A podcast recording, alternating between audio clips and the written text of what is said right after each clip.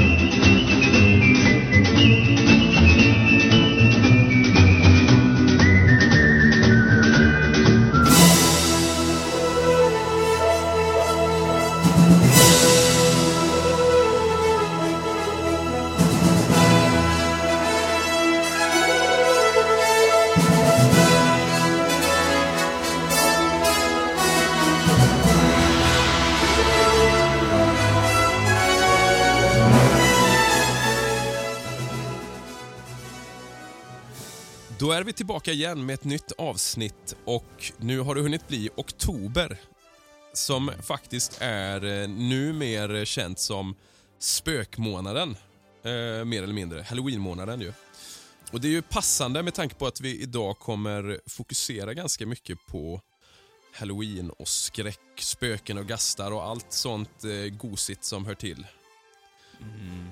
Även Mm. kallad eh, slaktmånad i gamla bondesamhället. Kan vara kul Ja. att känna till. Hette det det Vilda Västern med? Ingen aning. Slaughter Nej. Month. Det gjorde det inte. Det hette oktober. Nej, vet du vad? Det hette Oktober. ja. eh, idag är vi ju inte ensamma.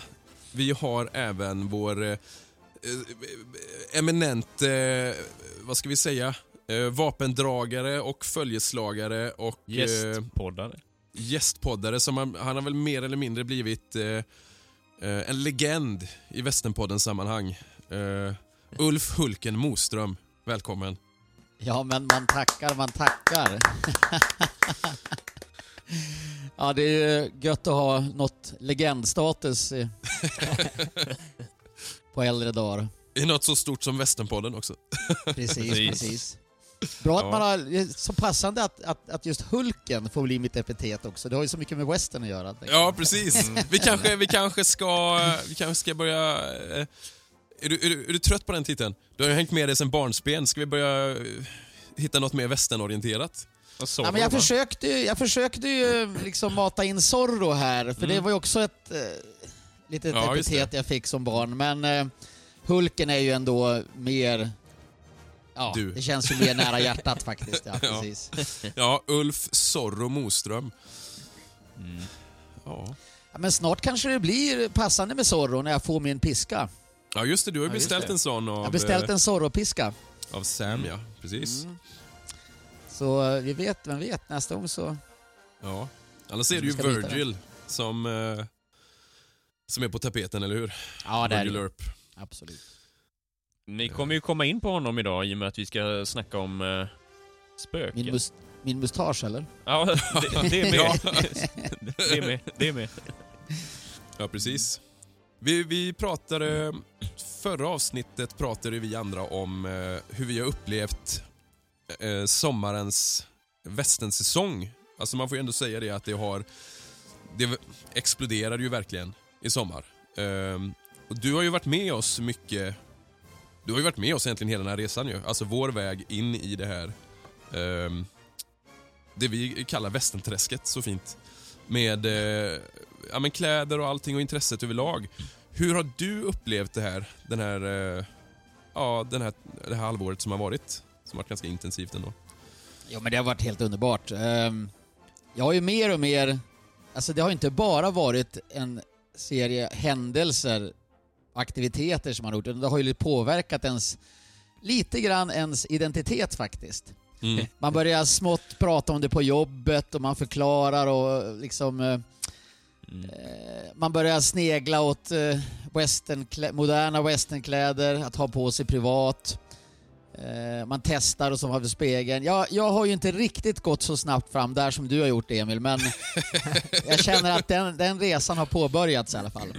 Ja, absolut. Vi har ju pratat ganska många gånger. Du skickade ju till och med bilder, du var i någon Var det Western Tack? När var det du kollade, köpte bootsen och kepsen och det?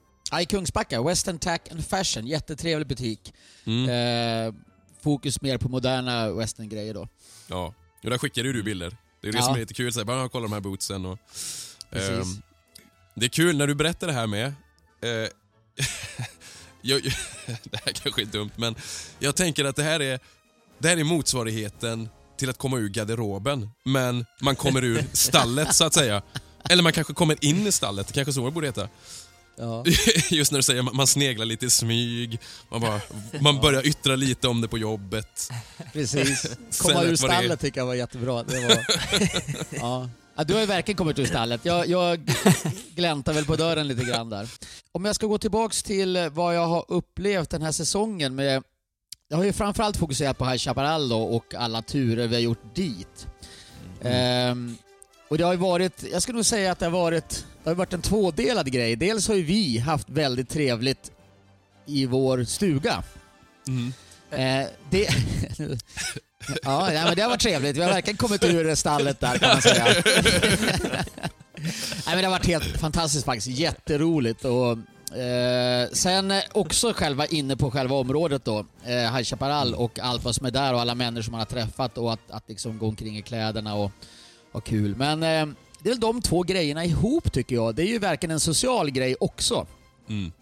På jobbet har de frågat på gånger, men vad är det som är så kul med det här och sådär. Och då har jag sagt så här att eh, med tanke på allt man är uppe i, man bor i en, eller i alla fall jag gör det, bor i en stad, jag bor i Göteborg, eh, det är bilar och buller och det är kriminalitet och det är, man jobbar och stressar och man kommer hem och slår på TVn.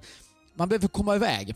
Man behöver få Mm. en, ett break och det handlar inte egentligen om att göra så mycket. Nej, Det handlar precis. fram- framförallt om att vara i en annan miljö. Klä Mm. på sig kläderna, vara i den där miljön och man får gå omkring där. Det är inte så att vi gör jättemycket. Nej. Vi Nej. gör lite små saker, vi spelar lite poker, vi snackar lite grann och vi käkar. Och, men det är ju varandet Mm. som är grejen, känner jag. Absolut. Ja. Det där är lite svårt att förklara ibland. Folk undrar alltid, vad, vad, men vad gör man då? Mm. Barnen, de gör massa saker. De leker och Mm. vaskar guld. Va? Men jag känner som mer vuxen så är det mer bara att få, få, Få. vi, få vila och vara liksom. Mm. Mm. Det är bra, det kommer in väldigt mycket på, vi har ju pratat om precis det. Ja. När man har försökt att liksom ringa in vad det är som är det centrala i det här. Eh, sen är det speciellt med nu, som sagt vi berättade ju i förra avsnittet, Oskar och jag hade ju en otrolig dag i, eh, i Riverdale. Mm. Eh, och nu har du, du har ju egentligen bara fått uppleva High Chaparral än så länge ju. Så du har ju mycket framför dig att kunna se fram emot också. Man märker ju att det finns så många olika aspekter av det. Ehm, så vi måste ju ta, vi måste göra en turné egentligen. Ja. Åka runt till alla de här, alltså till, så- äh, ehm, Kodiak, Josie, eh, vad heter det, Svanskog va? Eh, I Värmland. Hudson Bay va? Ja. Och, och Riverdale och så vidare. Synd bara Som att det är så långt emellan platserna. Annars skulle vi ha hyrt en stagecoach och så var, köra, ja, just det. åka Ja. mellan då. Ja, absolut. Vi kanske skulle rida bara, mm, ja, rakt av. Ja men Ulf har ju varit inne lite på Trapper också ju. Trapper-outfit. Och kanske... Mm. Det hade varit lite kul. Paddla lite kajak tänkte jag säga. Kanot. Mm. Eh, lite lägerliv och sånt där. Det hade varit kul att testa på. Verkligen kul. Ja, du har just, ja, precis. Uppe i Norrland där, Ulf, har ju du pratat om. Ja, jag har ju fått lite så här, uh, nyblodad tand för forskajak. Mm. Mm. Det är ju he- helt otroligt kul alltså. Mm. Eh, och när jag gled ner där så, jag tänkte verkligen på att man var... Det finns en scen i början på en serie som heter Kampen om Colorado. Känner ni till den? Är det den. Cent Centennial, eller vad heter den? Ja, precis. Mm. Eh, jag älskade den serien när den gick. Den kom ju efter McKayen då, Mm. så man var lite äldre. Men i början där, första avsnittet är helt magiskt. Då åker han då i en kanot nerför, om det Colorado River heter det kanske va? Eh, det är så här forsar och han Grand Canyon och det är liksom... Mm. Ja, det är riktigt, riktigt mäktigt. Jag fick vibbarna tillbaks till den, till de scenerna faktiskt. Ja. Mm. Jag kommer ihåg, du pratade ju om den och så gjorde vi det i Red Dead ju. Då körde vi ju det här vi skulle Ja. åka Just det. tvärs över gatan. Men eh, Oscar, du, hur känner du för att göra en sån här? Jag gissar att du kanske inte är jättesugen på det här med camping Alltså sova ute under nej, stjärnorna och... nej, jag, jag är inte beredd att ta så långt Ta- steg. Nej. Det- Men, å andra sidan, det har du sagt förr. det har vi hört ett par gånger förut ju. Ja, nej men tält och eh, bo utomhus, nej. Det är inget för mig. Om ett år så kommer vi göra Nej. en liveinspelning Nej. med Oskar. Nej, ja, ja, ja, ja. Det, man ser många i de här grupperna. Vi sa mm, en bekant Björn som vi känner från eh, Old West Outfits. Han har ju lagt upp nu i dagarna. Han har varit ute och Mm. Kampat lite så under. Och sen, eh, vad heter han? Eh, Hjälp mig. Det är en kille som är ute och gör supercoola såna här... eh, Mm. Han är ju verkligen ute i vildmarken. Och, Ja, lite trail eh, ja, återskapande. otroligt eh, imponerande liksom. Mm. Ja, just det- det. Morgan pratade om honom, att det ska Ja. vi kolla upp när vi var vid deras camp här i somras. Ja. Jag, jag blev ju supertaggad. Jag vill verkligen göra det här. Vi började Ja. ju titta, du och jag Emil, på Canvas-tält direkt liksom. Mm. Och, Mm, precis. men då sa han det, kolla in den här snubben. Eh, jag kommer inte ihåg vad han heter, men Nej. en YouTube. Ja, okej. Mm. Ja, jag tänkte på en i, i Facebookgrupperna. Ja, det har jag med sett. Jaha, nej, men det finns en annan som, som gör, lägger ut reportage när han åker Jaha, runt och åh, gör det här. Ja. Svensk, svensk eller? Eller? Ja, Amerikansk? jag, jag, jag kommer faktiskt inte ihåg om han var svensk eller amerikansk, men, men han gör eh, i alla fall sådana här skithäftiga reportage då när han är ute och Mm. lever vid marken på autentiskt vis då. Mm. Mm, Ja, coolt. Ja, det vore ju ballt att testa, utan tvekan. absolut. Ehm, vi har några sådana saker nu som, eh, som vi verkligen borde prova. Jag tänker på det här med dels det, Mm. eh, westernridning borde vi verkligen prova och Mm. cowboy action shooting. Det är ju ja, någonting. Ja, precis. De, de eh, tre grejerna känns ju... Ja, det kommer väl komma. Förr ja, senare. förhoppningsvis. Ja. Ehm, vi var inne lite här på sommaren nu då och då pratade vi ju en del om eh, High Chaparral. Och ehm, det har ju hänt en hel del kring High Chaparral. Jag tänkte bara vi kan eh, in och peta lite grann i det och nämna det. Som eh, säkert många av lyssnarna vet så, nu ska vi se, det var väl alltså i mitten av september va, någonstans Mm. Ja, något sånt. så gick High Chaparral ut med att det kommer inte bli något mer Western Weekend eller julbord på High Chaparral. Och man eh, slutar alltså även med eh, det här, vad heter det, Run for your life, nej, eh, ja, Halloween på High Chaparral Mm. och även Civil War. Eh, och det här har ju väckt väldigt starka reaktioner bland eh, framförallt bland medborgare eller citizens om man eh, av de olika Facebookgrupperna att döma. Mm. Ehm, jag tänkte bara läsa lite grann. Det här är från, nu får vi se, är det Värnamo Nytt? Kan det stämma? Den tidningen? Det kan det säkert. Säkert. Ja. Då står det sig så här då. Hur kommer det sig att ni har tagit detta beslutet? Och Då är det ju Mattias som svarar då att vi har tittat på hur vi ska förbättra vår kärnverksamhet, det vill säga att driva en park under en hel sommar. Ett sånt utvecklingsarbete kräver resurser och då behöver vi lägga de resurser vi har dit. Och Då frågar man, är det alltså en ekonomisk fråga delvis? Ja.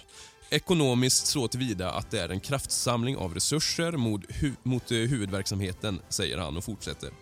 Det handlar också om att det tar tid och personal att arrangera evenemang och det är därför som vi har sagt att vi ska bli bättre på många andra delar och då behöver vi kraftsamla.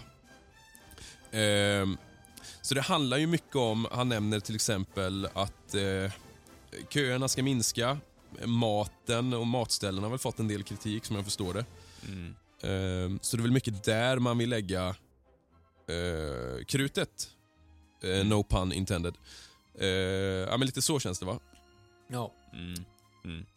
Och då är det ju bland annat en Lars Åkesson från svenska CSA-föreningen. Han har ju funnits med och arrangerat Civil War på High Chaparral under ett tiotal år. Då. Och de är ju besvikna över det här. Och det verkar som att, eh, för det första för dem kommer det som en överraskning. Och han trycker ju på att Civil War och det här har ju lockat mycket publik. Mm. Och att det verkar som att man inte riktigt förstår det här med ekonomiska resurser. För att som jag förstår det har det varit mycket ideellt arbete från just de här föreningarna Mm. kanske inte så mycket egentligen personal från High Chaparral. Men som sagt, det här har ju verkligen väckt eh, starka reaktioner. Eh, det är svårt för oss egentligen att säga om, för vi har ju inte varit på... Vi har ju missat alla de här, vi har ju inte varit på, vad heter det, Civil War Nej, eller nej. sånt. Inget utav det. Nej, Nej, vi var ju på den light-versionen utav eh, Western Weekend ju. ja, precis. Eh, men jag, jag kan ju förstå att folk är upprörda, för det här verkar ju ha varit en jättestor del för många. Mm. Eh, och jag tänkte jag ska, jag ska gå igenom några kommentarer och se vad folk har skrivit. Men jag hörde ju av till Mattias och frågade han lite grann. Eh, för folk har ju hört av sig till oss också och, och undrat om vi ska ta upp det här lite grann. Mm. Så vi tänkte att vi bara nämner det här lite grann i podden då. Eh, och då skrev ju Mattias här att eh, jag är fullt medveten om att nyheten skapat reaktioner och det är fullt förståeligt. Det han inte var helt förberedd på det var personangrepp mot mig, eller mot han själv då, styrelsen, ledningen och ägarna. Eh, och det är ju ganska olyckligt för det är många som har liksom yttrat sig kanske på ett sätt som inte är lämpligt när det gäller det här. Ja. Det är ju en grej att vara såklart besviken.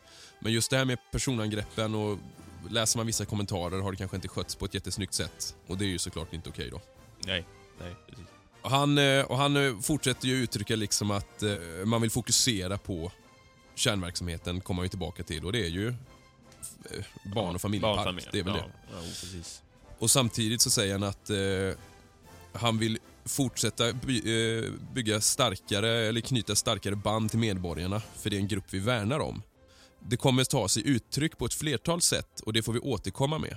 Så det låter ju lite grann som att de har något på gång som man inte kan gå ut med än. Sen vet man ju inte eh, i vilken form det kommer ta då, men frågan är och, eh, ni har också sett det här, alltså det, vi följer ju många av de här grupperna, alltså High Chap- vi alla som älskar High Chaparral och vad heter de? Medborgarna och Citizen och allt, alla de här va? Mm. Mm. Facebookgrupper. Ja, och det är svårt att undvika de här kommentarerna. Jag tänkte bara jag ska läsa några kort därifrån då. Eh, för det är ganska många som har uttryckt att man funderar på att avsluta sitt medborgarskap eh, på grund av detta. Eh, här har vi någon som skriver “Tappade helt lusten att vara medborgare på High Chaparral. Tråkigt. Vi får nog hitta ett annat ställe tyvärr”, skriver en annan. Eh, och en skriver så här. Jag känner mig bedrövad när jag läser detta. För ett antal år sedan upplevde jag att High Chaparral bara var kulisser och att man bara mötte personalen inne i butiken eller på tåget. Därefter så har parken levt upp med karaktärer som rört sig på gatorna och kör improvisation. Och så förstås medborgarna som blivit allt mer synliga. Det är kanske en överdriven känsla för stunden men jag är nästan rädd för att vi är på väg tillbaka till den tomma parken med alla dessa saker som nu dras tillbaka. Jag hoppas verkligen inte att det blir så. Eh, och det är många såna här kommentarer. Mycket egentligen oro snarare än rena påhopp tycker jag. Alltså att man är orolig för att det som vi har uttryckt, alltså det här lite magin som finns. Just att det är så levande gjort av många som går i parken. Ja. Sen ska jag nämna också att det finns många som tänker att, eh, alltså det finns ju positiva kommentarer med. Eh, så här skriver en till exempel. Jag är väldigt besviken jag också, men jag ser fram, emot vad de kommer hitta på. Eh, min första reaktion var att vi får hitta på något annat, men jag blev i alla fall nyfiken. Så det finns liksom folk som förstår oron och känner men ändå ser framåt att vart ska det leda till? Mm. Mm. Eh, vad tänker ni om det här? Lite grann. Ja, men det, det, det är klart det är tråkigt. En sak som man har mötts utav, som man har lockats utav, det är de här uh, rendezvous, de här träffarna eh, kring olika teman då, till exempel Civil War. Mm. Eh, men det finns ju många sådana olika saker de har då och jag, jag tänker det finns stora ytor som inte används idag. Det kanske de har planer för att använda, jag vet inte. Men Mm. det kostar egentligen inte High Chaparral någonting att folk kommer dit och kampar och lever på det sättet. Det skapar liksom en autentisk prägel och folk gillar det där. Eh, och det är ju medborgare framförallt och det är liksom inte barnfamiljer som egentligen är engagerade i det då. Men eh, det är klart, de kanske har en, en, en, en tanke att utvidga parken för att då behöver de de här ytorna. Mm. Eh, men det är ju en sak som man har tyckt varit häftigt och de här rendezvous kommer säkert att flyttas då till, Mm. det finns ju ett antal parker annars då och som också fokuserar mer på den biten. Ja. Men eh, jag tror ändå, jag menar jag märker ju Mattias och hur de har drivit parken som jag har förstått de senaste åren, det har blivit mer professionellt. Det är en enorm kvalitet i allt som görs där. Det är Mm. ingenting som är liksom halvdant utan alla byggen, allting är ju väldigt kvalitativt. Då. Mm. Men det enda som jag tycker är under liksom kvaliteten i allmänhet, det är ju maten. Mm. Ja. och det har de ju tagit upp att de vill fokusera och förbättra. Mm. Och det är klart att det kostar pengar och, och, och kraft och energi och personal och sådär va. Så Mm. det, det har de ju tagit upp också att de vill förbättra. Och sen var det det här med köerna hade de ju skrivit då. Och jag förstår det, nu går vi förbi kön då som är medborgare men kommer Mm. det barnfamiljer och så är det liksom 150 meter kö. Det är ett Mm. problem på sådana stora parker, så är det på Liseberg och på många andra ställen också. Men Mm. de hade ju också en tanke där att försöka kanske skapa fler ingångar eller någonting att, att liksom Mm. dra ner det här. Så att jag förstår ju liksom att de, de siktar på att öka kvaliteten där den gör mest, i alla fall ekonomisk nytta. Det är ju inget Ja. konstigt, det är ju självklart eh, för en Mm. park som ändå är professionell. Mm.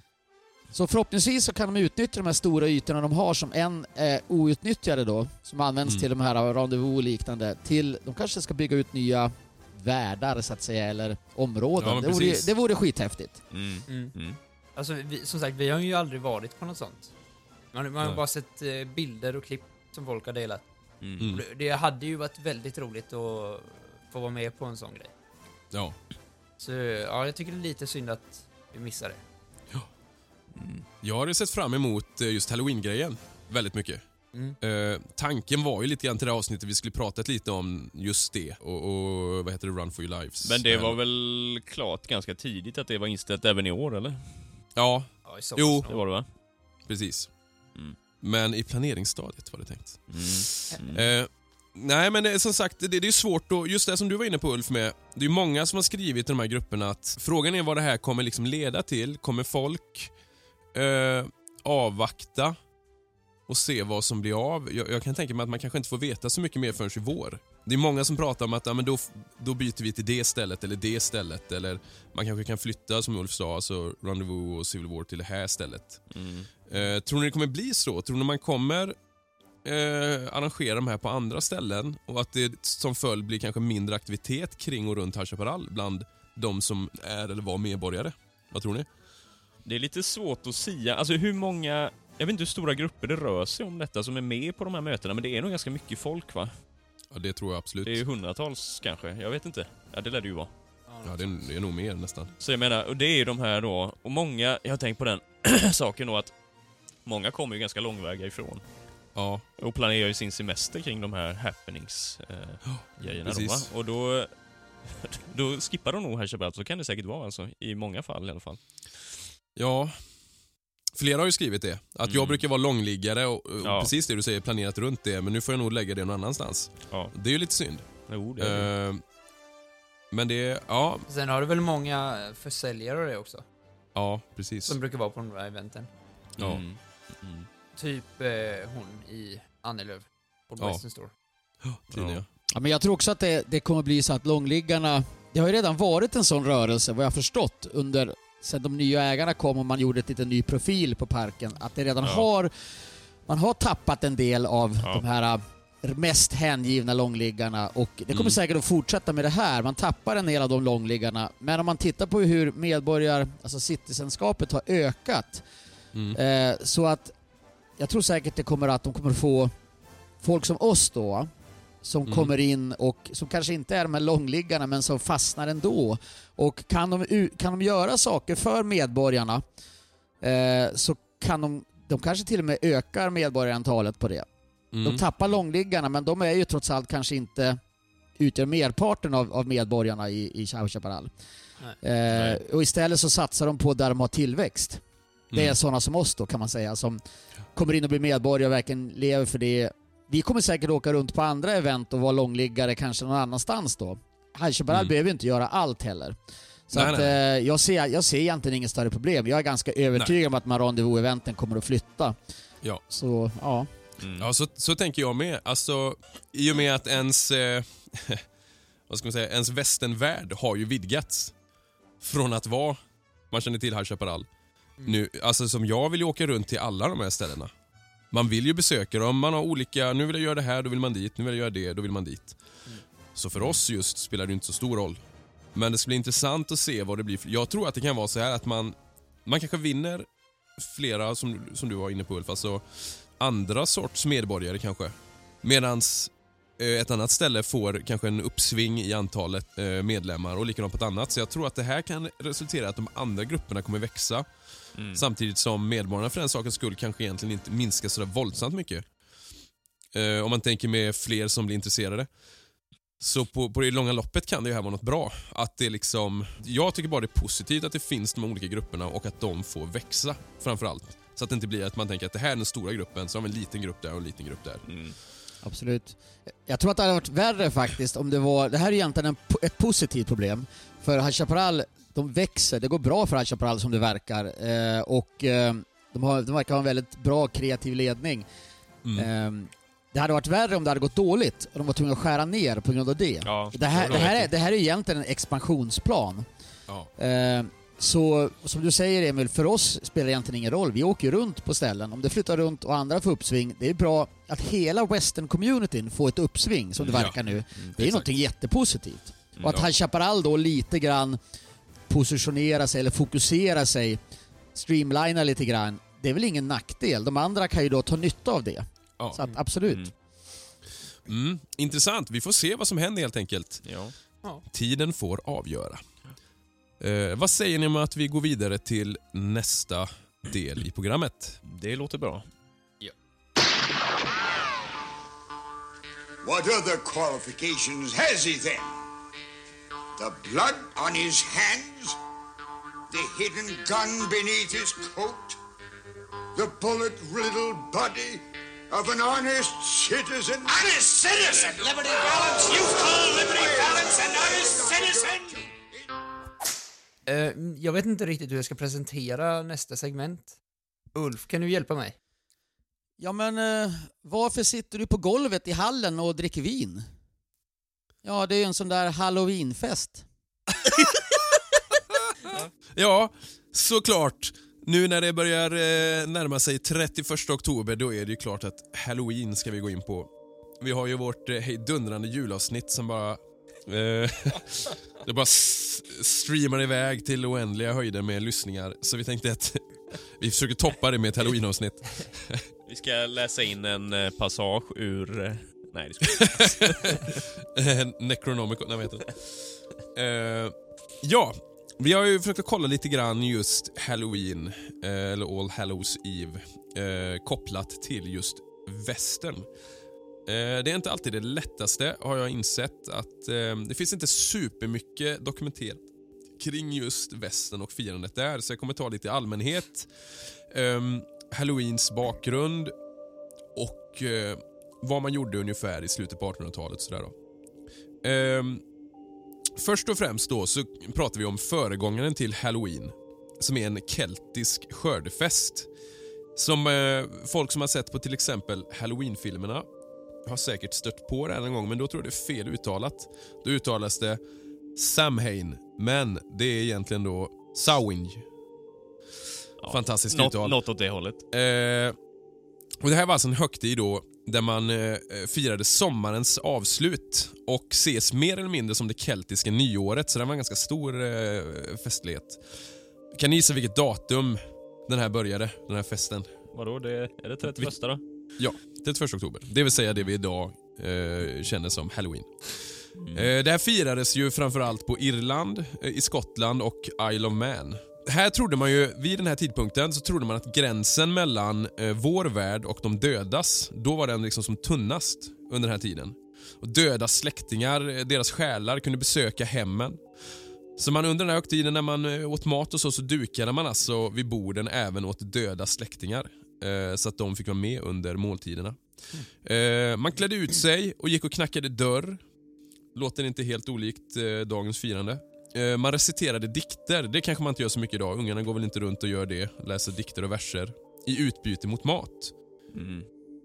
Så det var dikt eller mat istället för bus eller godis.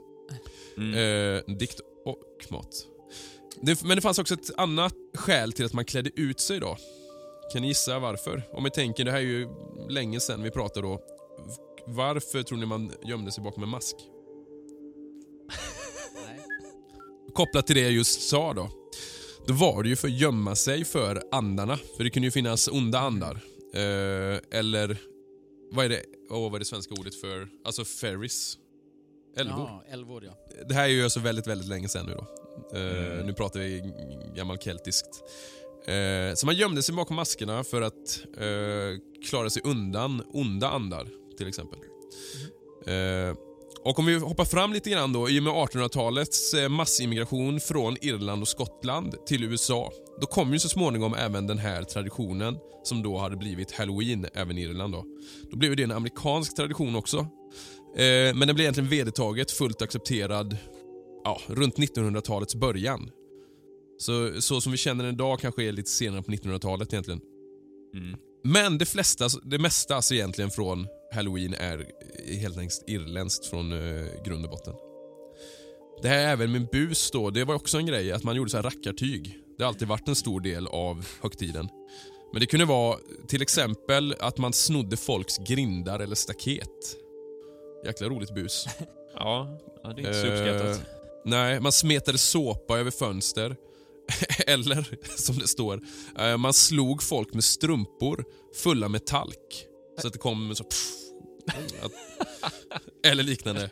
Ja, ja. Så det kan du ju tänka på nu när ni ska ut och... när du sitter i hallen Ulf och dricker lite vin. Ha en strumpa med talk redo Men så du kan... du, apropå, ja det kanske vi kommer in på senare, men det finns ju, vi ska ju recensera en film sen. Ja. Mm. Apropå vitt talk, vi återkommer Ja. till det. Det har jag aldrig tänkt på, men det kanske kommer därifrån. Ja, Var, inte det, okej. var inte det aska? Aska var det. Eh, men eh, återigen då, under 1800-talet då var det inte så mycket fokus på egentligen det här med gastar och spöken. Det som det här med andarna som var i Irland, det var inte så mycket fokus då utan då var det mer en skördefest. Ungefär det som vi har nu är det ju ganska populärt igen med skördefesten liksom. Så det var ju fokus på eh, skörd, höst, eh, pumpor, man hade, använde majs, höbalar. Eh, sen var det mycket fokus på framtiden, att man skulle spå framtiden. Så lekar som man hade kretsade mycket kring det. Till exempel unga flickor kunde gå, eh, de släckte ner, så gick de med ett stearinljus framför en spegel. Och precis vid midnatt, om man stod där då, kunde man se sin blivande make, eller fru då, eh, dyka upp bakom en i mörkret. Låter ju lite otrevligt men... Eh, och sen finns det någonting som jag tror till viss del fortfarande görs idag. Det här med bobbing for apples, vet man det? Nej. Kommer du inte ihåg Simon den här, eh, vi hade ju en tecknad film med eh, någon jävla nallebjörn och Ja, räv. ja, ja, ja, ja, just det. Kommer ni ihåg vad de gjorde? Nej, inte, ja just halloween eller? Ja, just det med bobbing for apples i Nej. halloween-avsnittet. Nej, inte på rak arm. Man hade en stor balja med vatten. Och så la man ju i eh, äpplen, de flyter ju. Ja. Och så ska du liksom eh, fånga dem med tänderna. Med händerna bakbundna. Jaha. Ja, ja, ja. ja Det är just. bobbing for apples. Ja, okej. eh, så det, Det gjorde man förmodligen. Intressant. Jag bara fl- flika in en liten Mm. grej. Nu fick jag ett litet minne från när jag var liten. Ja. Eh, när vi firade jul hos min farmor, då hängde hon alltid upp ett äpple i ett snöre som man skulle försöka bita på med händerna bakbundna. Jaha. Ah, Eh, det Ja. måste ju komma någonting Ja. från den traditionen. Ja, det är ju Ja. en allmän sån allmogelek, låter det ju som lite grann. ja, säkert. Mm. Det är ju lite kul. Mm. Eh, men det är lite allmänt om halloween. Alltså så, som sagt, just det här som vi känner idag med fokus på spöken och det, det, det var ju bara en parentes då. Det var ju längre tillbaka egentligen då. Men ändå nämner du, det handlar ju om de döda lite grann. Ja, Eh, men det är ju menar- längre tillbaka. Det är ju det, det är, det är Ja. grunden. Men Jo. om vi tänker som det var ungefär, gissar jag nu då, under vilda västern perioden, alltså Mm. 1800-talet. Då var det nog mer fokus på liksom, alltså fest. Men å andra sidan tänker du, alltså spökhistorier var ju mer utbrett på 1800-talet än vad det är nu egentligen. Också. Ja, Så, absolut. Och det finns Men ju kanske gott inte om... Nej, men det finns ju gott om spökhistorier från västern. Det är ju det man har hittat lite om i alla fall, Ja. om man har letat runt. Ska vi gå in lite på det då? det kan vi göra. Nej men bland annat så nämnde vi ju det här, apropå Virgil, eh, Mm. i början där, och Ulfs koppling till honom. Eh, så finns det ju en spökhistoria om honom i Tombstone. Har ni hört den? Jag tror Oscar har det. Inte just om Virgin har jag inte hört. Har du inte det? Nej, det har jag Okej. inte.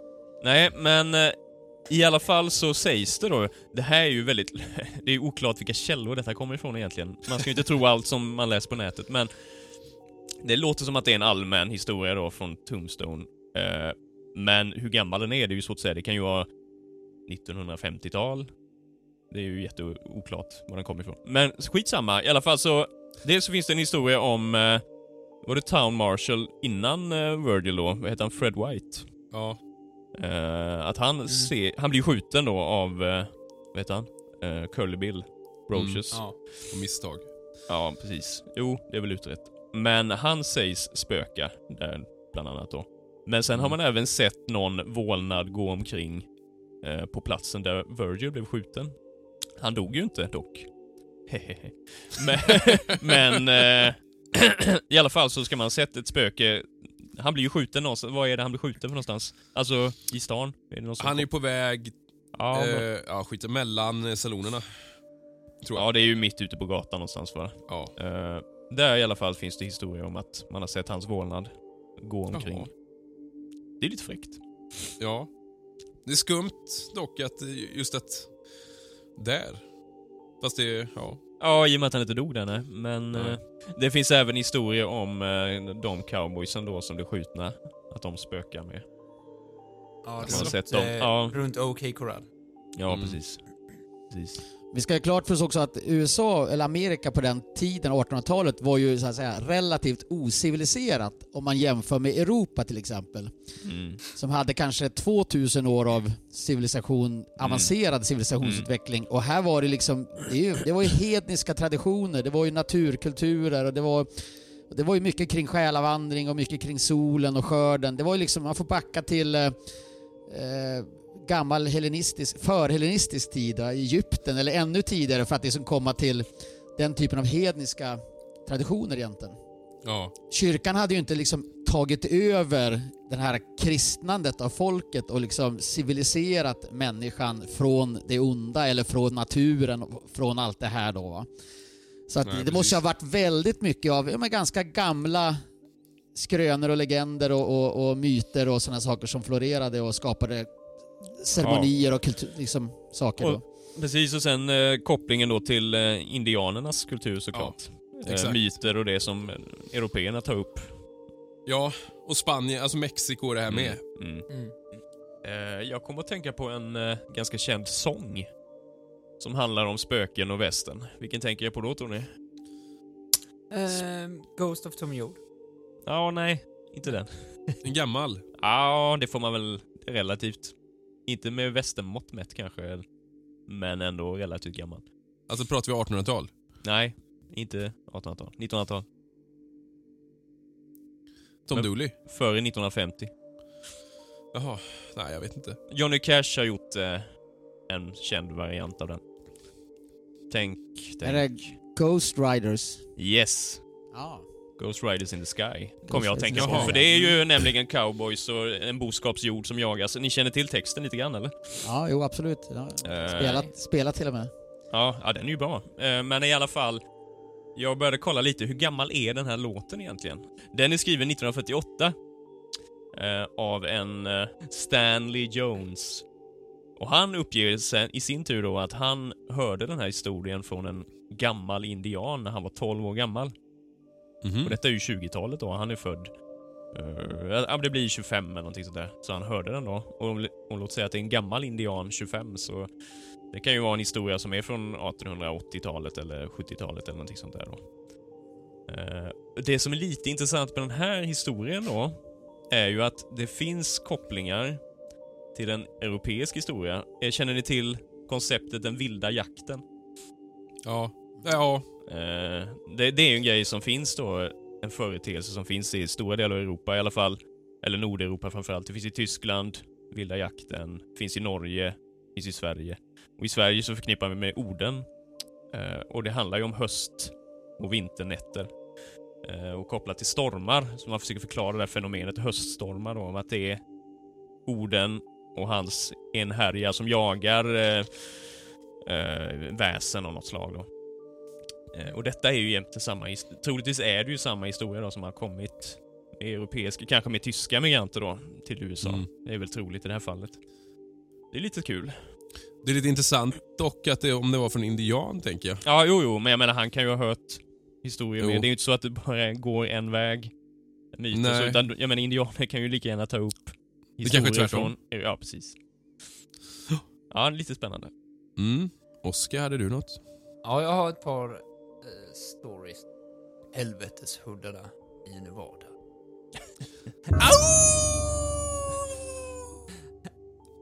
um, Eldorado känner alla till. Mm. Ja. Ganska känt ställe. Vilda västern-epoken. Eh, på 1800-talet fanns det berättelser om gruvarbetare som hade förlorat sitt liv i de här gruvorna. Men en utav de här läskigaste berättelserna handlar om andarna från helveteshundarna. Under den här tiden, under guldruschen och det, så eh, guldgrävarna använde sig utav hundar för att de skulle skydda sina personliga tillhörigheter medan de arbetade. Hundarnas jobb var liksom att skrämma bort potentiella tjuvar liksom. När guldet väl tog slut så eh, var det många hundar som lämnades kvar eller blev skjutna där. Och nu, över hundra år senare, så har folk, när de har besökt just det här stället, så har de hört hundar som var eh, som har skällt eller morrat. De har till och med sett så här hunds eh, liknande vålnader. Vadå, i gruvorna? Eller vad? vad? Nej, runt det området, runt gruvorna Mhm. liksom. Spökstaden Banak. Fortfarande vid guldrushtiderna så skapades staden, grundades staden Banak. Eh, en man vid namn Henry Plummer kom till staden och snart vald till Town Marshal utav de lokala gruvarbetarna i området.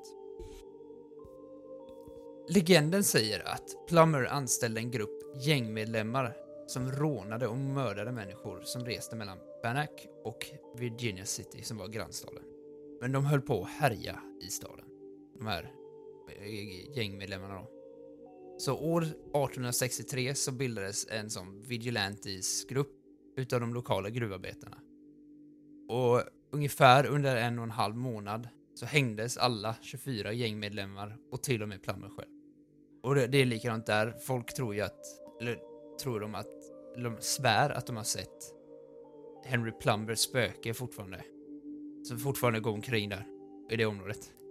Och Bannack har blivit en spökstad. Eh, vet man varför det har blivit, alltså blev det spökstad på grund av det här? Det, det vet jag inte, men eh, jag kan tänka mig att det har med att det var en gruv... Ja, när, gru gruvstad, ja. liksom. när, det, när gruvan stängdes så... Ja, antagligen. Jag vet inte. Det kan ju vara... Det låter väl bättre om det är på grund av spöken. Ja.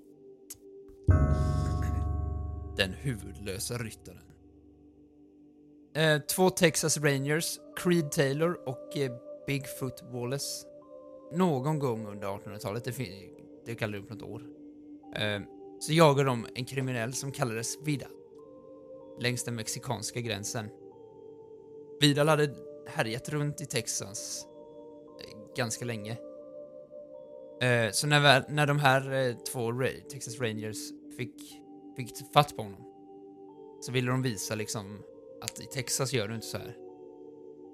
De halshög honom, knöt fast huvudet i hans sadel och eh, sen skickade iväg hästen med hans huvudlösa kropp ut i natten.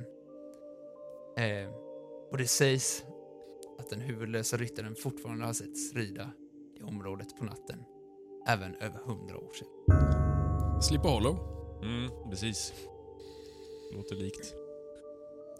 Jag tänker att det, det, det är väl inte så konstigt att just i western så föds det väldigt mycket spökhistorier, skrönor, legender. För att Nej. när ett samhälle ska liksom formas så behöver man ju en gemensam berättelse, säger man alltid. Va? Mm, mm. Mm. Eh, och där fanns det ingen tradition, det fanns ingen berättelse, det fanns ingen gemensamt shit kanske egentligen, utan det är invandrare från kulturer, man berättade stories. Och, och eh, det är liksom dessutom ett laglöst land som det händer mycket hemska saker i. Det är inte så konstigt att det föds de här legenderna och skrönorna Nej. Nej. kring spöken och, och mord och, och ja, gengångare och allt möjligt. Och jag menar, nej. Hela västern i sig är, bygger ju på, det är ju bara legender och myter egentligen. Alltså, så det är, nej, absolut. Mm. Jag tänker, eh, jo men vi, vi kommer ju, vi pratade lite om det här just alltså mexikansk eh, och indiansk Mm. eh, folktro och sånt. Och eh, då skulle jag vilja prata lite om eh, Navajo-indianernas, eh, en legend som de har, om en häxa. Eh, på deras språk så heter fenomenet Jenaldlushi. Jenaldlushi. Och det betyder alltså med den går han på alla fyra. Och fenomenet jag pratar om då är alltså skinwalkers.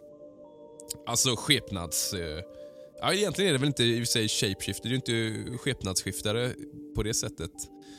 Eh, hudgångare, väljer jag att kalla det. Det är ett allmänt eh, vedertaget eh, begrepp som används ofta i de här sammanhangen.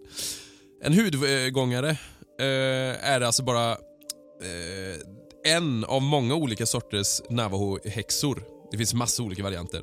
Men just skinwalkern, eller utgångaren, är den mest våldsamma och farligaste. Eh, man trodde ju starkt alltså inom eh, den här stammen att, det, och det gäller väl många indianstammar gissar jag, att det, det finns många platser på jorden som hyser väldigt starka krafter. Där det alltid är liksom yin och yang, alltså, eller både ont och gott. Jag tänker om vi pratar om eh, Twin Peaks som eh, Ulf, jag och Simon har sett ganska mycket. Där är det ju mycket det här, mycket kring det bygger ju kring den här eh, om vi tar Black Lodge White Lodge, alltså det bygger ju också på indiankulturen i början. Eh, och Då fanns det alltså möjlighet att få åtkomst till och kunna använda de här krafterna, onda som goda. Medicinmän då, till exempel, de använde de här krafterna för att göra gott. Alltså man helade, man gjorde medicin, man kunde spå med goda avsikter och så här då. Medans häxor använde ju trolldom, alltså witchcraft. Eh, och Då hade man ju för avsikt att skada folk eller åsamka dem olycka på något sätt. Eh, ofta så använde ju de här häxorna eh, människokroppen och ben och sånt till trolldomar som man höll på med, kanske han hade människohuvud och höll på med några jävla eh, nyckelben och rörde runt sina örter eller vad det kan ha varit. Eh, och i den här kategorin, alltså med häxor som man kallar det, då fanns alltså skinwalkers. Eh, och Det finns liknande i flera stammar, det är inte bara Navajo utan det fanns i Pueblo och eh, Apache-stammarna. Eh, men det gemensamma faktorn för skinwalkers inom det här det är att det är en ondsint häxa som kan förvandla sig till ett djur. Värt att nämna nu också är att häxor i indiansammanhang är oftast män. Kan vara kvinnor, men ordet häxa, eller witch då på engelska, är ju liksom ofta förknippat med män. Eh, då kan man undra så här, hur blir man en skinwalker? Det kan ju vara någon av oss som funderar på att bli det. Jo, då ska jag tala om det. Är det så här. Man blir oftast del eh, som i ett hemligt sällskap eh, genom olika ritualer. Oftast var det genom att begå det mest värsta eller fasansfulla dådet man kunde göra. Och Det var ju mördarens släkting, oftast ett syskon. så vi har ju många att plocka eh, där. Därefter så kunde man ju förvandla sig, ofta till varg, eller prärievarg, eller puma, eller räv eller björn. Egentligen vilket djur som helst. Är Hulk Eh. ett djur i det sammanhanget? Eh, det är lite intressant faktiskt. I vissa serier så eh, är de lite inne på det. Att, att det har med det att göra. Eh, men det som kanske talar emot Hulken det är att eh, ofta bar man ju hudarna från de djuren man förvandlar sig till. Därav namnet. Eh, och ibland bar man också djurskallar av djuret. Alltså typ en eh, vargkranie eller horn på huvudet för då fick man ännu mer kraft. Det var liksom en eh, power-up kan man säga. Och det här, var, det här var ju ganska vanligt att det fanns så att säga skinwalkers i Navajo-stammarna. Men ofta kunde det ju vara att det kanske var en som var ett får. Eller liksom en, eh, alltså något harmlöst djur. Och då var det inte så farligt. Men man började undra, nu kommer en sån här skum jävel igen som har en varg på ryggen. Eh, djur med klor och tänder, då hade man ju förmodligen onda avsikter. Att man skulle ha ihjäl någon eller sådär då. Så de eh, skulle man akta sig för. Och det här var tydligen en ganska stor grej. Det var någon gång på, jag tror på 40... Nej, det måste ju vara senare kanske, 60-70-tal. Man hade tagit, man hade fäst undan, alltså amerikanerna hade fäst undan eh, Navajo-indianerna från ett eh, område som de bodde på.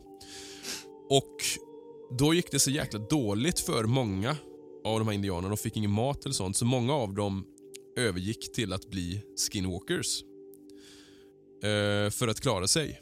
Och Då blev det som att det blev som en förbannelse över eh, hela gruppen. Folk dog, det blev sjukdom, det blev riktigt pissigt. Eh, så amerikanerna insåg att eh, vi måste göra någonting här, de måste få tillbaka sitt land. Och så tog man tillbaka dem då. Eh, och då började det bli bättre.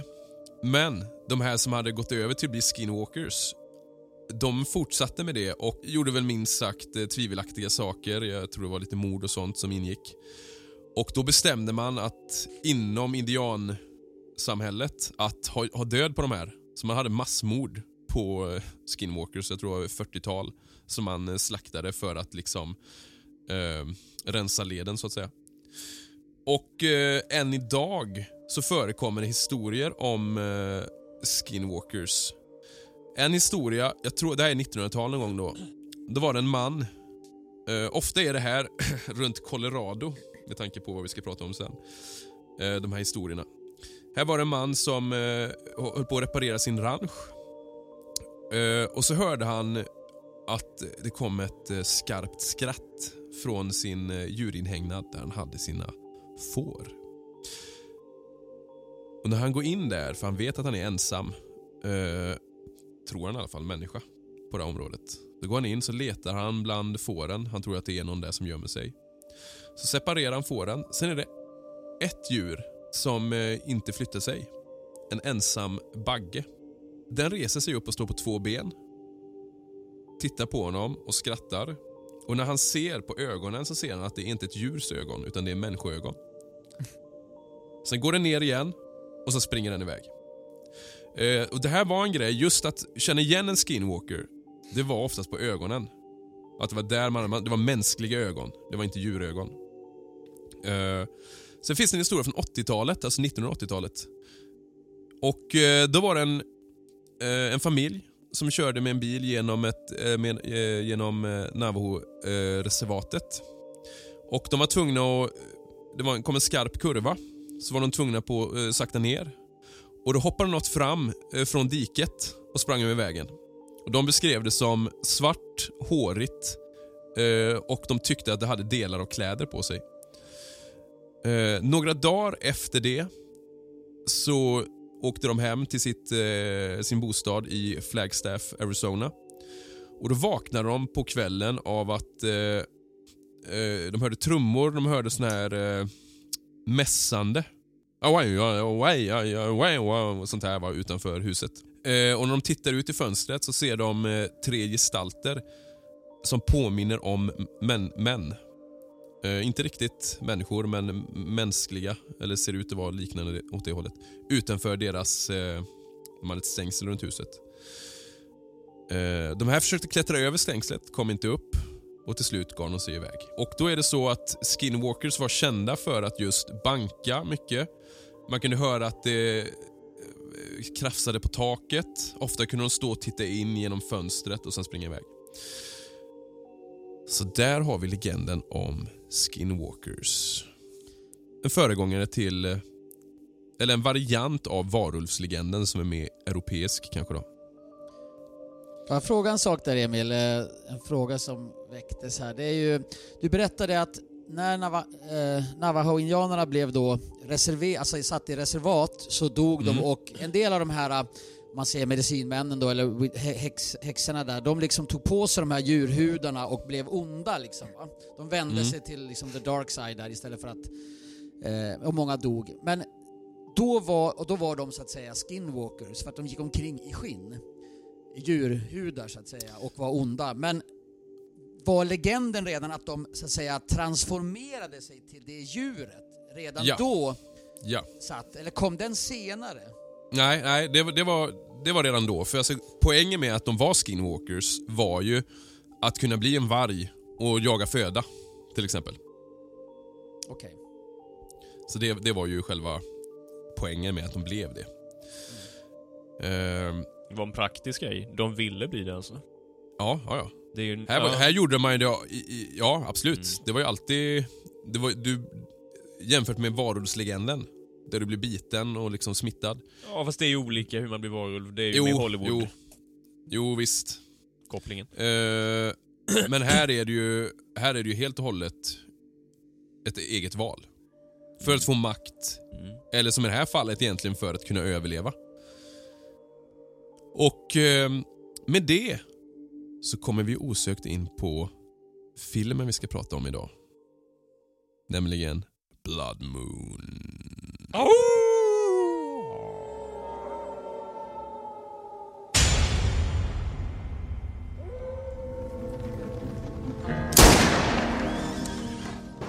Well, you got me to stop, stranger. State your business. My name's Calhoun, and I'd like to board your stage, if there's room. Where you from, Calhoun? Well, I'd tell you, but you'd never have heard of it. Eh, Vi har alltså sett filmen Blood Moon. Ehm, och enda anledningen var till att det är en halloween-film. Eller lite halvskräckis typ. Just för att vi till det här halloween-avsnittet då. Ja, vi hade ju en diger bunt att välja mellan där. Det var ju eh, Dracula vs Billy the Kid. Vad var det mer nu då? Frankenstein Jesse möter James. Jesse James. eh. Ja, det, var, det, det finns ju många liksom egentligen B-västern. Vi var inne lite på Bone eh, Tomahawk, men den, den är inte så jäkla skräck. Den är ju mer liksom, den är ju brutal på ett annat sätt. Men, och, och jag, jag hyser ju en förkärlek alltså till varulvar. Jag tycker ju det är det ballaste monstret, tveklöst alltså. Men det är ju ingen varulv i den här filmen.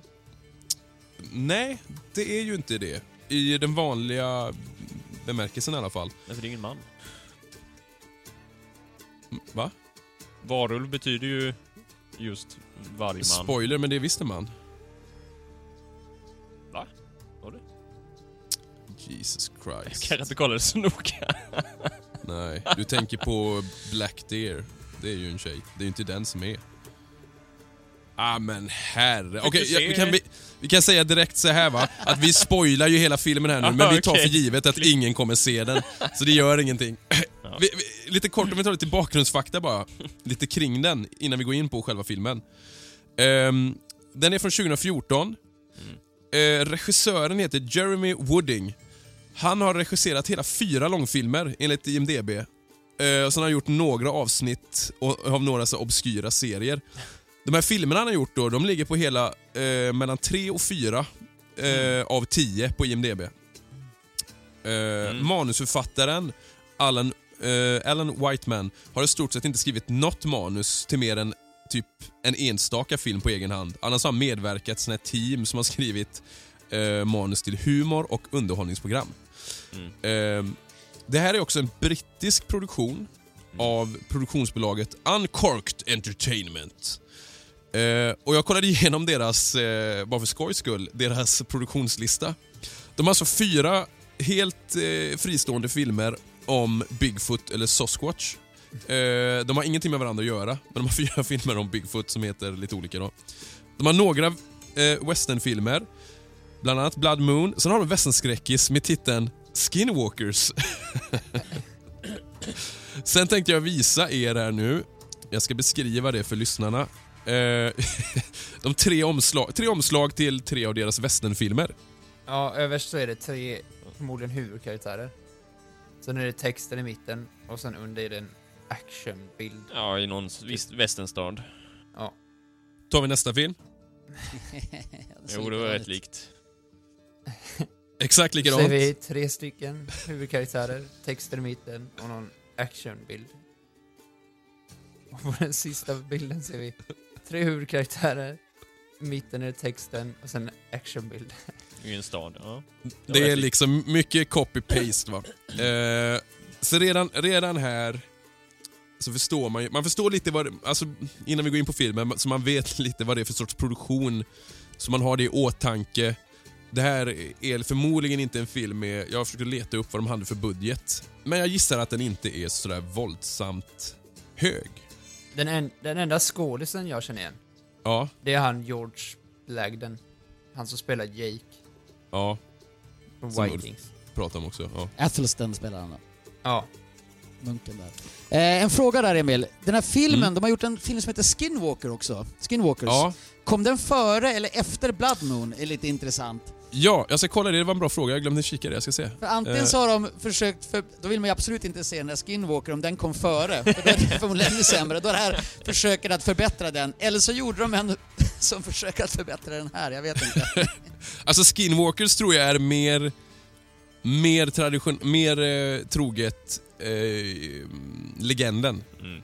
Jag tror det mer handlar om, och det kan vara så här med, för en del av Skinwalker-legenden är att du kan ta över folk. Och att du kan ta över deras kroppar och sådär. Jag tror den handlar mer om det. Eh, men det roliga är också att det finns Han som har skrivit manuset, jag tror han har skrivit en Blood Moon från 2011 också. Så det här är nog ändå en annan bearbetning av... Det här är, Det är liksom- slutresultatet av en lång process av misslyckanden. Ja.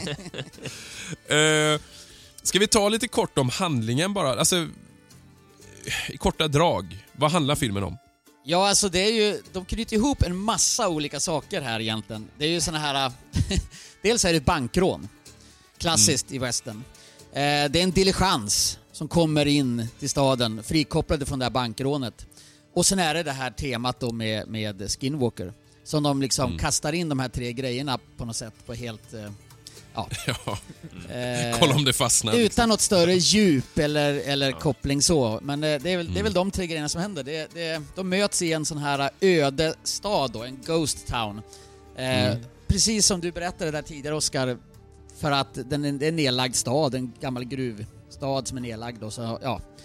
Bor, det bor typ en person där då som försöker hålla häst... Eh, ja, där liksom. hästuthyrning och något hotell, litet, eh, liten saloon där i, vid, liv då va.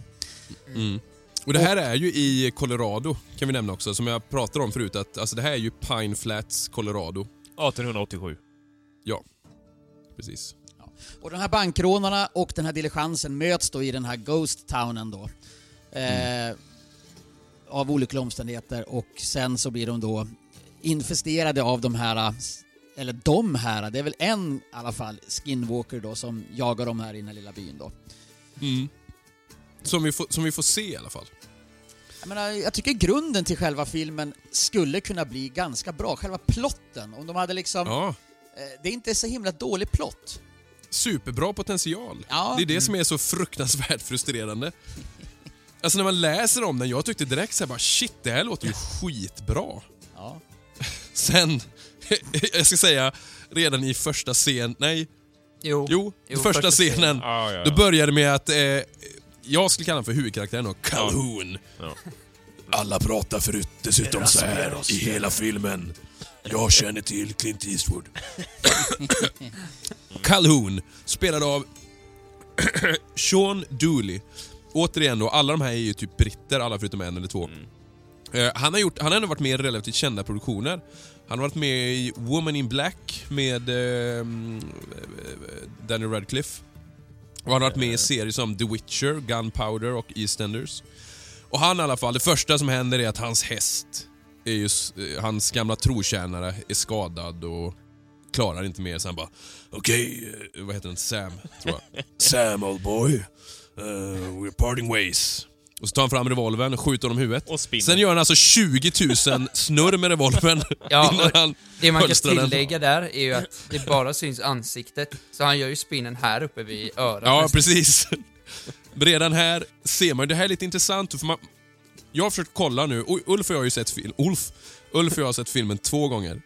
Så man har försökt att se så här liksom ändå, vi pratar om det Ulf och det är ganska tråkigt att bara, total, bara totalsåga en film utan att liksom prata om något konkret eller liksom konstruktivt.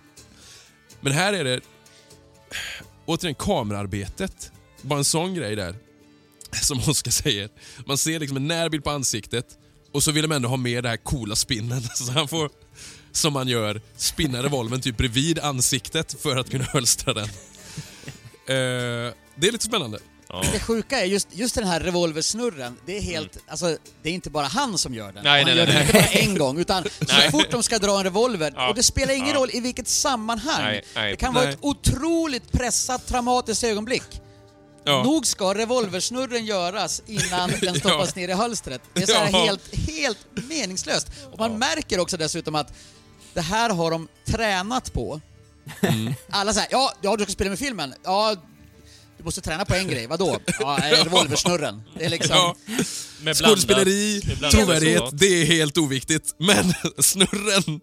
Ja. Men man ska, man ska tillägga att, som Simon sa, det är blandat resultat. Ja, när han stoppar ner den där någon gång, jag tänkte på det, det såg ganska lamt ut. Ja, Ja, men det är inte gång, så bra gång. revolversnurrar, nej. Ja, det tänkte nej. jag också på. De är ganska halvkassa. Nej. Ja, Han kan snurra den, man kan inte hölstra den, det är ju det. och han är ju ganska... Ganska, alltså generellt sett han Calhoun är Mm. ju ganska, inte så trovärdig som revolverman. Jag vet att han ser ganska mjäkig ut alltså. Det är någonting. Ja, Ja, alla fast han egentligen. låter ganska coolt. Ja, ja jo, visst kanske det är. Men annars generellt sett, skådespelarinsatserna, jag tyckte jag hyfsad nivå på det just, tycker jag ändå. Många utav dem i alla fall. Ja, det är Ja. bortsett från två stycken där, just... eh, Dels han då, Kaun, och sen den andra, en av skurkarna, han som låter som Zed i Polisskolan. Han Jeb eller? Ja, alltså, han, Den Ja. alltså han, är eh, den, den lille killen av dem. Skurkarna. nej, nej, han som inte har mustasch. Han var ganska stor eller? Ja, han som lever längst. Den äldsta. Ja, det var han som hade riktig raspig röst. Ja, Ja. där har man ju verkligen... Eh, han, Hank Norton då, nu kommer jag inte ihåg vad skådisen heter. Eh, men han i alla fall, han är, ju ganska, han är ju relativt känd. Han har ju haft biroller i Hellboy, han är med i Kingsman, han är med i Bourne, han är med i Kick-Ass. Okej. Så han är ju ganska bra. Eller, Men han, bra. han, är, han är engelsman med, eller? Sen, Nej, sen, han är sen kom den här amerikan. 2014, och sen har inte han gjort mer. Nej men alltså, hans röst... Han måste ju, gå till, han måste ju läst det här manuset och fattat fel. Han måste ju trott att, aha, det är en parodi. ja. Ja. För när han pratar, Ja, då låter det... Det låter som att han har, han har liksom kollat Bengt Magnusson Ja, det går eh, när han har gjort en sån här studie och bara, ja, jag käkar kritor innan. Nu kan jag göra min skådespelarinsats. Oh, Jag har, Eh. jag har en grej på han också.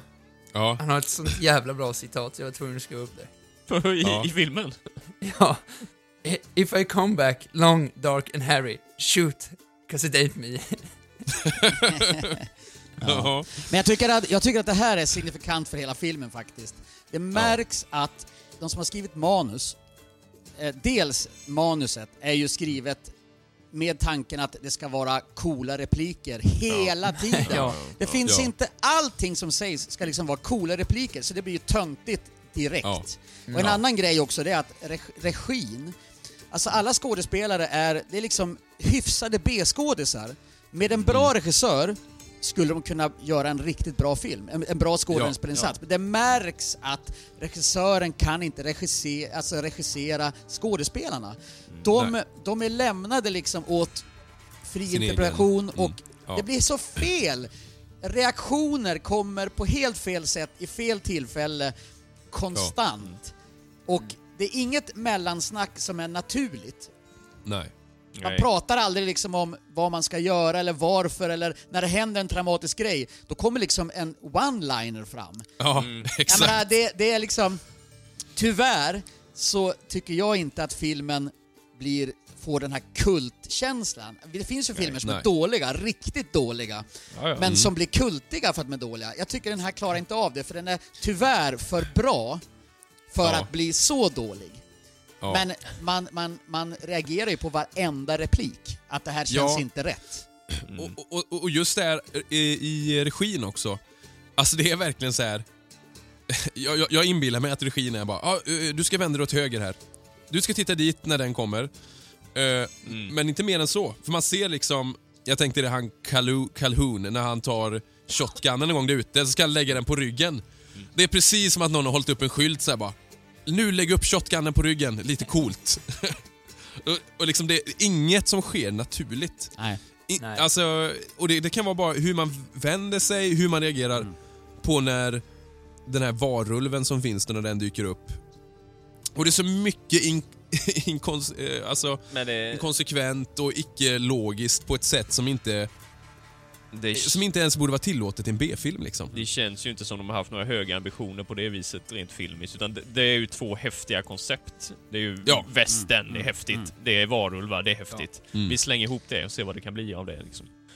Om jag ska säga något positivt här, alltså själva skräckfilmen är ju väldigt dålig, men jag tycker själva western-inramningen är ganska okej.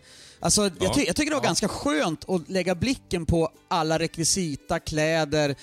Eh, nu är det en ganska brun film, så att den är mörk, den är inspelad på kvällen, det är, det är mest bruna så att säga färger. Så att det går inte att urskilja om allting är liksom autentiskt, men det känns helt okej. Jag reagerar inte på att det är fel. Det känns liksom inte westernaktigt ut. Eh, det tycker jag var en behållning ändå. Om man vill se en cheesy skräckfilm som är tafflig, men man gör den söndag morgon och är lite trött för, för man vill ha en liten western-touch, då kan den vara, ja den kan vara okej. Ja. Jag reagerade på just rekvisitamässigt Calhouns hatt. 1, den såg nog inte sådär vansinnigt HK ut va? Nej, Tänkte du jag på tänkte det? också det. Jag tänkte det var någon annan också, han Wade. Eh, han town sheriffen i, eh, i stan som kommer. Mm. som för övrigt kunna, helt hade kunnat Ja, skriva ut ja, ur historien. ja. Helt meningslös. Ja, ja, ja, visst. Men, men i övrigt håller jag med, en, alltså om man kollar kläderna överlag. Eh, jag tänker just det att han, eh, Deputy, han och Jake, Mm. att han faktiskt har liksom stadskläder och en sån Mm. bowlerhatt. Istället för att ha väst och liksom scarf och... Mm. Eh, Många av de här nya filmerna kan ändå vara... En del av dem kan vara att man kör det här fortfarande Hollywoodska. Men det här är ju en av de få grejerna som är positivt med dem. Nya filmer ja, generellt Ja, sett. att man har större förståelse för vad var Ja. typiskt med kläder Jo. och vapen till stor del Mm. också. Absolut. Ehm, Alla har inte Winchester 92 längre. nej, exakt. Nej. Och alla har inte heller en Peacemaker. Nej. Det är också lite kul. Han har, jag, jag gissar att det är en Remington av något slag som han har det. Kalon. Ja. Huvudrollskaraktären Ehm. då, han, eller som vi kallar huvudrollskaraktären. Calhoun. Ja. Ehm, jag vill nämna lite om hans karaktär med. Ytterligare. Ja, men om vi går in lite på de här karaktärerna. ja, precis. För det, det kommer ju ett skede, alltså den här diligensen då som åker till... Ja, det sa jag ju innan till dig där. Där får man ju starka vibbar av eh, Stagecoach-filmen. Ja, När de absolut. stöter på honom och han går in och sätter sig på golvet mitt i, precis som Ja. John Ja. Wayne gör i den filmen.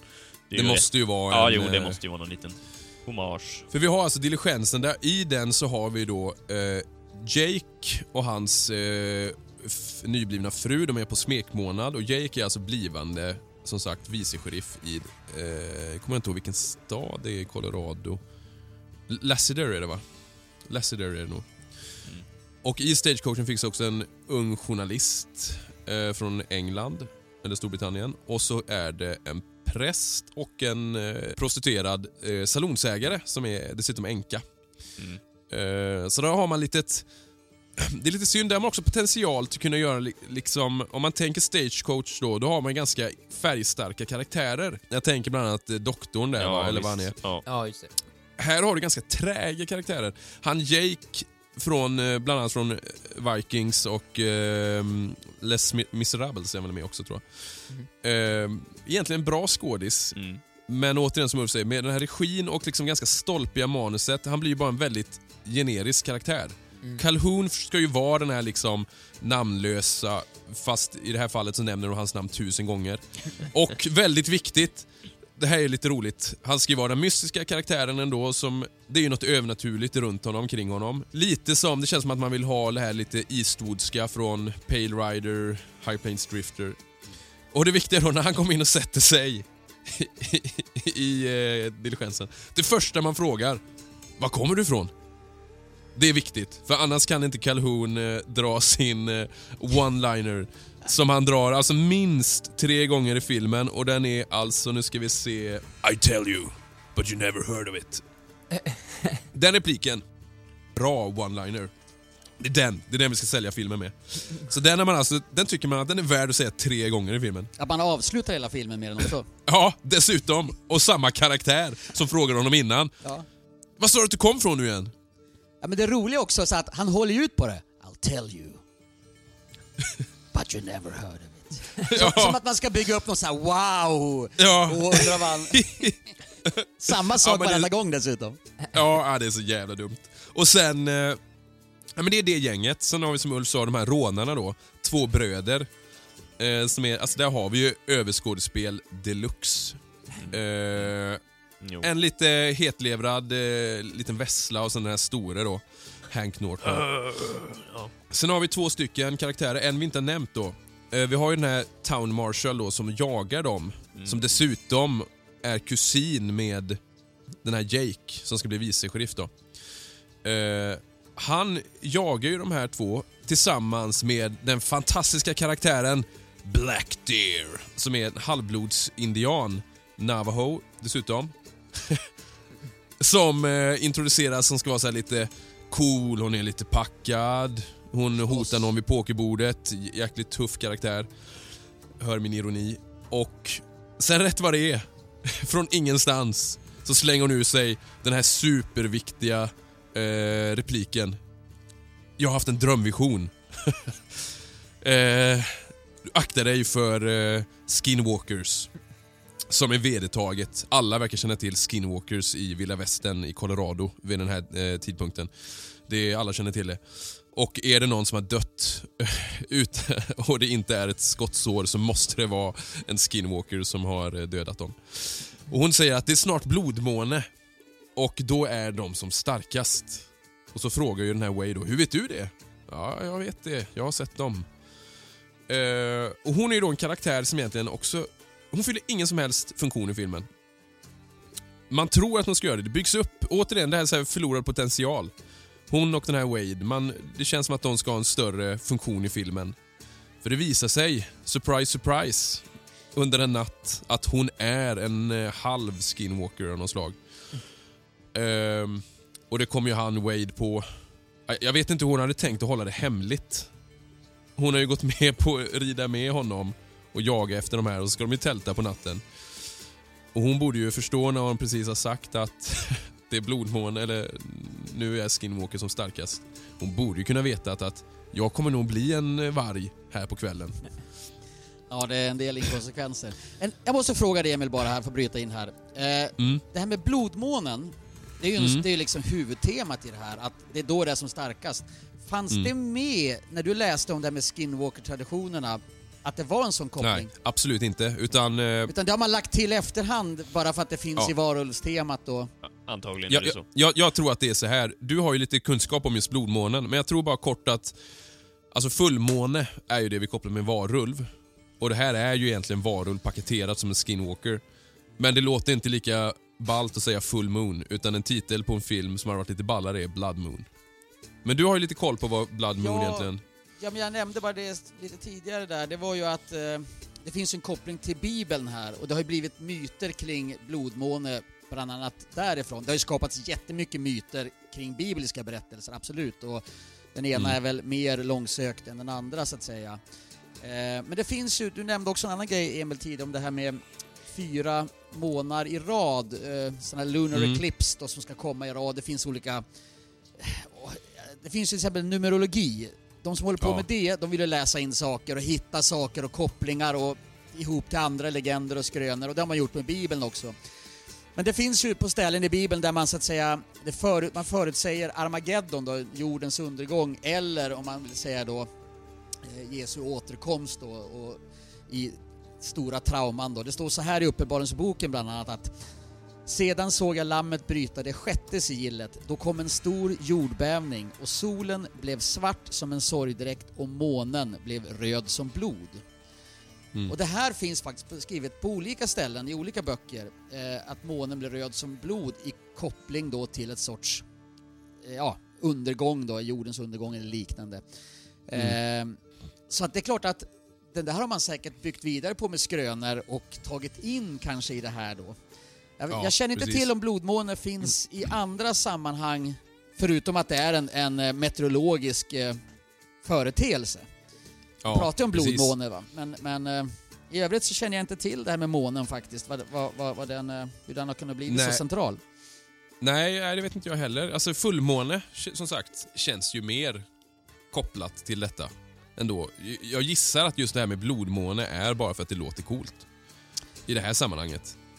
Jag kan ju säga då att det finns en, en eh, jag vet inte vad man ska kalla för en grupp, men det finns alltid in, inom olika religiösa världar då eh, de som vill förutspå när kommer undergången. Och i, i, i kristen tradition och lite sektliknande sammanhang så finns det då de här som vill förutspå det här och det är alltid i alla sammanhang, senaste 30-40 åren så har undergången varit nära i olika sammanhang och man har hittat olika saker. Men bland annat så har en grupp då hittat det här att just från blodmånen här nu, då har man kunnat sett att från 2014 kom den första i den här serien av fyra eh, blodmånar Ja, då som ska vara då inland och man kunnat räkna ut, man håller på att räkna ut då när kommer undergången för den står ju Mm.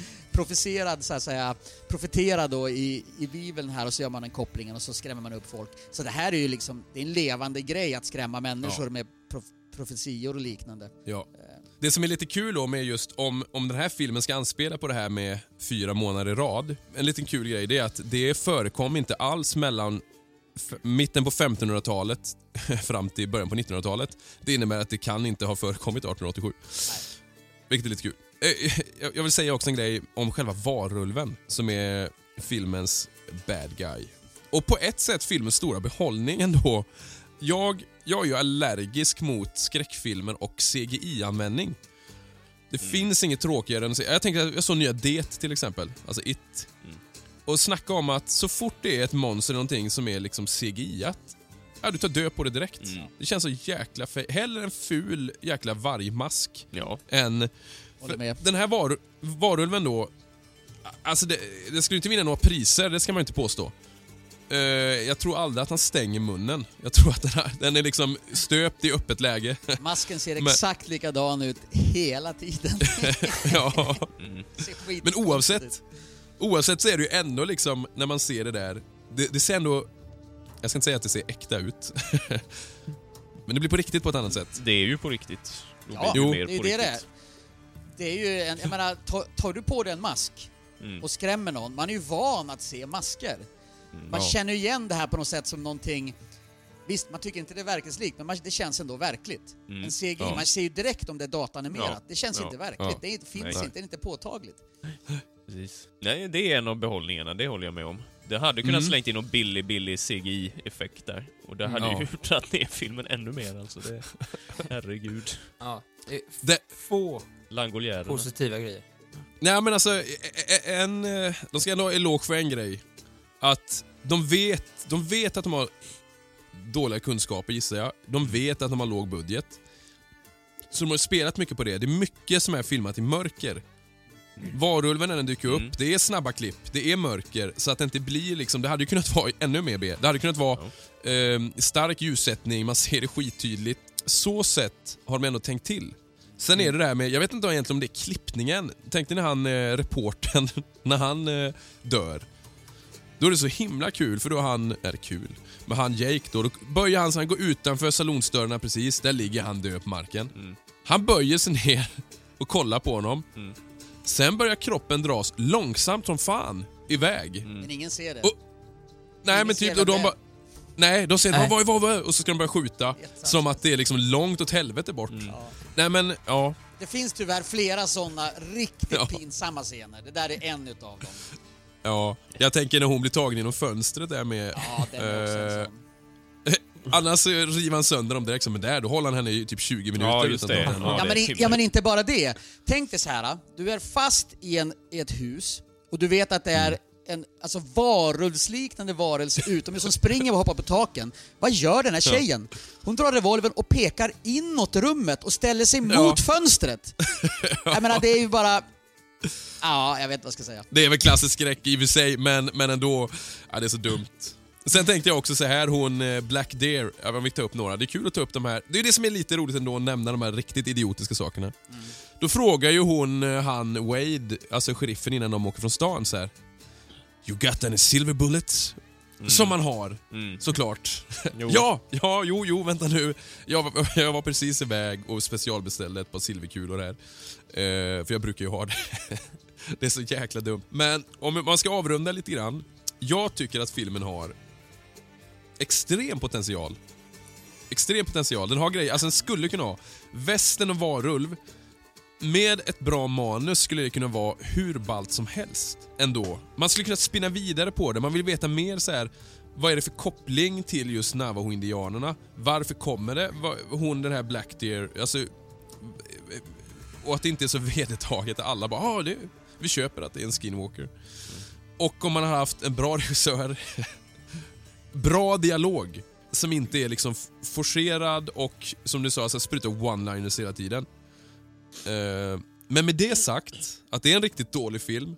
Jag, tar, jag skulle hellre se den här filmen fyra gånger på raken än att se The Assassination of Jesse James en gång till. Faktiskt. Nu kommer jag få mycket skit av den här killen igen som... Eh, men, eh, ja, men det står jag fast vid. Det här är en dålig film, men den är ändå underhållande. Det- Alltså jag, satt ändå, jag har ändå sett den två gånger nu på två veckor. Absolut, jag håller helt med dig precis i den analysen också. Det är ju, och det som också, jag, jag tycker att dels inramningen som du säger, potentialen är ändå intressant. Eh, den har coola klichéer och liksom legender och allt det här liksom in, in, inbakat i sig. Eh, den har en skön estetik. Ja, Eh, Okej, jag, jag kan väl tycka att monstret var väldigt fult va, men, men eh, det är ändå VFX, eh, visual effect, det, det, det är lite roligt att titta på det ändå. Eh, så att, skulle man kunna sy ihop det på ett bättre sätt? Det, det, det kanske kommer, det var, hur många sa att det fanns? Det fanns en Skinwalker först, det fanns en annan serie, nu kommer den här Blood Moon. ja. Kanske att någon ska ta upp temat med lite högre budget, bättre regissör. Skådespelarna tror jag skulle kunna prestera mycket bättre med en annan regissör och annat manus. Absolut.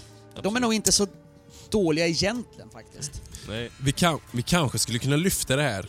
Det här kanske är västern-Sveriges stora projekt. Ja, jag satt och tänkte på det med. Vi gör... Vi kan starta en sån. Ja, Vad heter han, regissören? Mats, Mats Helge? Mats, Mats Ja, Helge. Helge ja! Ja, ja, ja. Mats Helge, han får ta Ja, det här nu. Nu kommer hans absolut. comeback. Blodmåne. I, nej! I död vargs spår. ja. ja, men ska vi, ska vi slänga ut lite poäng? Det här blir ju intressant. Eh, Simon, om vi börjar med dig. Mm, ja, tre kommer den ju inte upp i i alla fall. Eh, frågan är ju som sagt om den landar på en tvåa. Ja, eh, svag tvåa. får den nog. Mm. Oscar? Ja, det är samma. Svag tvåa. Ulf? Ja, ja, ni säger det bättre än vad jag sa det. Svag tvåa skulle jag vilja säga också. Mellan en etta och en tvåa, en och en halv. Tvåa ändå för att den har underhållande Ja. innehåll. Men svag, mycket svag tvåa tycker jag. Mm. Ja. Nej, men jag skulle ge den fyra och halv ändå. Ja. nej, nej, nej. nej, nej, men jag, nej, jag, jag tänker också en tvåa. Så det här var lite intressant för eh, så jämnt har det nog aldrig varit. Nej. Nej. Så, alltså... Vi kan nämna det med, den här ligger ju på YouTube.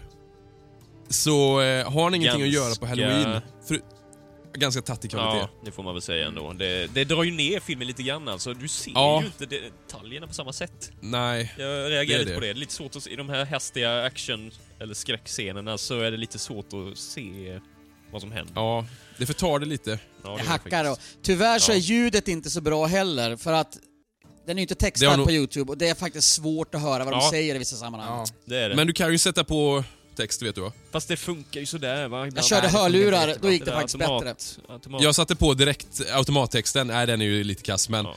jag övervägde faktiskt att beställa den ett tag, men eh, nej. Fast å andra sidan, med tanke på att, eh, vad heter den här uh, västernfilmen jag alltid spyr på? Never Grow Old, va? Mm. Ja. Ja, med tanke på att jag har den köpt, så det här, den här hade jag kunnat köpa fem gånger om. Elda upp den. Eh, ja, det ska jag göra. Jag ska göra en ritual när jag tar på mig en eh, djurhud och ett eh, kranie på eh, halloween. Mm. Men eh, alltså man kan väl säga så här då. Eh, på halloween sitter du i hallen och dricker lite vin. Ta fram mobilen, koppla in på hörlurar och njut av Blood Moon på Youtube.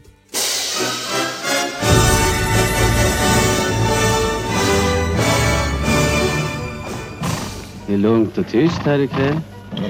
Just vad det ska vara det, Jake Logan. Ta ditt gäng och stick va. Jag vill inte ha något bråk här ikväll.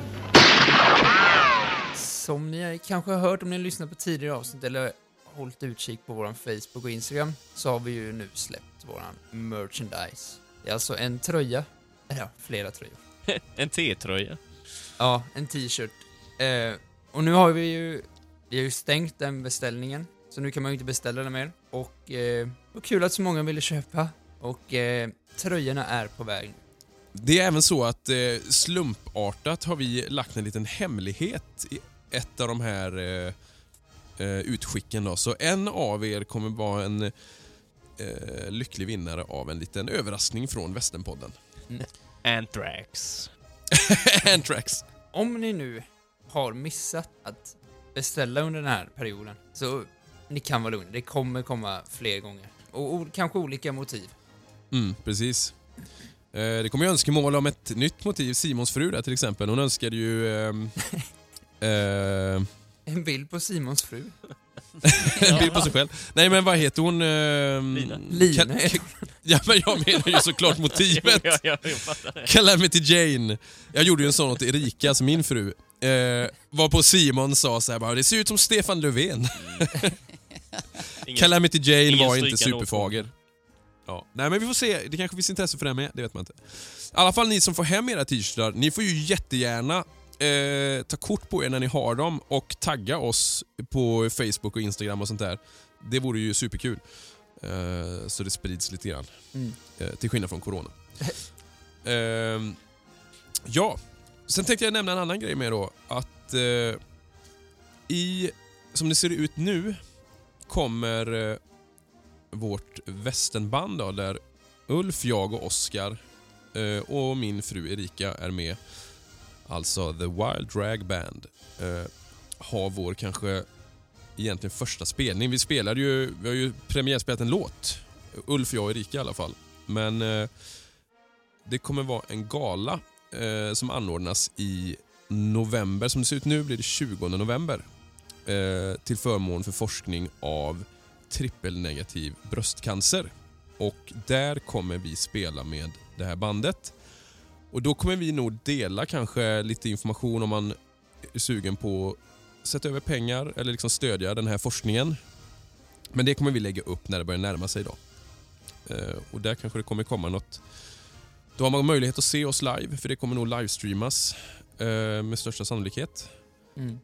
Kan vi tillägga Emil att eh, ni som har varit på High Chaparral i sommar, ni kan ha fått en försmak av det här bandet eh, på eh, verandan till någon sån här eh, stuga där, där vi har suttit med våra kläder och faktiskt repat. Eh, Precis. men det är väl faktiskt så också Emil att vi kan ju berätta lite om själva bandet och att målet är att vi ska köra historiskt korrekta låtar, gärna kanske också med historiskt korrekt klädsel. Ja, precis. Och vi har ju låtar som eh, man kommer... Det är ju som sagt Old Dan Tucker till exempel, Shenandoah, eh, Streets of Laredo, eh, vad heter den? Bella of the Jesse James, Southern Soldier. Alltså, ja, men lite eh, de låtarna. Eh, kanske blir någon av de här julsångerna faktiskt som begav sig då i och med att det här blir nog lite inriktat åt julhållet den här galan. Mm. Men mer information om det lite längre fram. Där har vi nått eh, slutet av eh, den här, eh, det här avsnittet. Summerat Halloween, kollat på en fantastisk film. Känner vi oss något klokare på olika amerikanska skräcklegender och sånt där eller? Oerhört. Mm, det Ja. kan man väl Ja. säga. Hur ska ni fira Halloween? Gör ni det överhuvudtaget? Hall Ja. Halloweenet tänkte jag säga. Ja. Vin i hallen. Ha, vin i hallen. Nej, nej. Ja, ja, vi brukar fira med barnen. Ändå. Ja men för mig blir det i alla fall, det blir någon film, ska det bli. Och det kommer att bli något brädspel också. Jag är en, Mm. älskar ju brädspel. Jag har några med, med faktiskt lite skräcktema. Oj. Eh, framförallt, jag är ju en, eh, för jag älskar ju Lovecraft. Ja, Lovecraft då. Så Ja, där ja. har vi en hel uppsjö med spel. Kul. Det är mysigt och med lite eh, ljus och annat så får det nog bli en sån halloween. Mm. Mm. Glöm inte vin i hallen då bara. Nej. Det blir det absolut, ja ja. Ja, tack så mycket för att du ville vara med idag Ulf. Ja, tack. tackar. Alltid välkommen. Ja, det var allt för denna gång. Eh, och då får Ulf hälsa er hej då med ett rungande Yeehaw!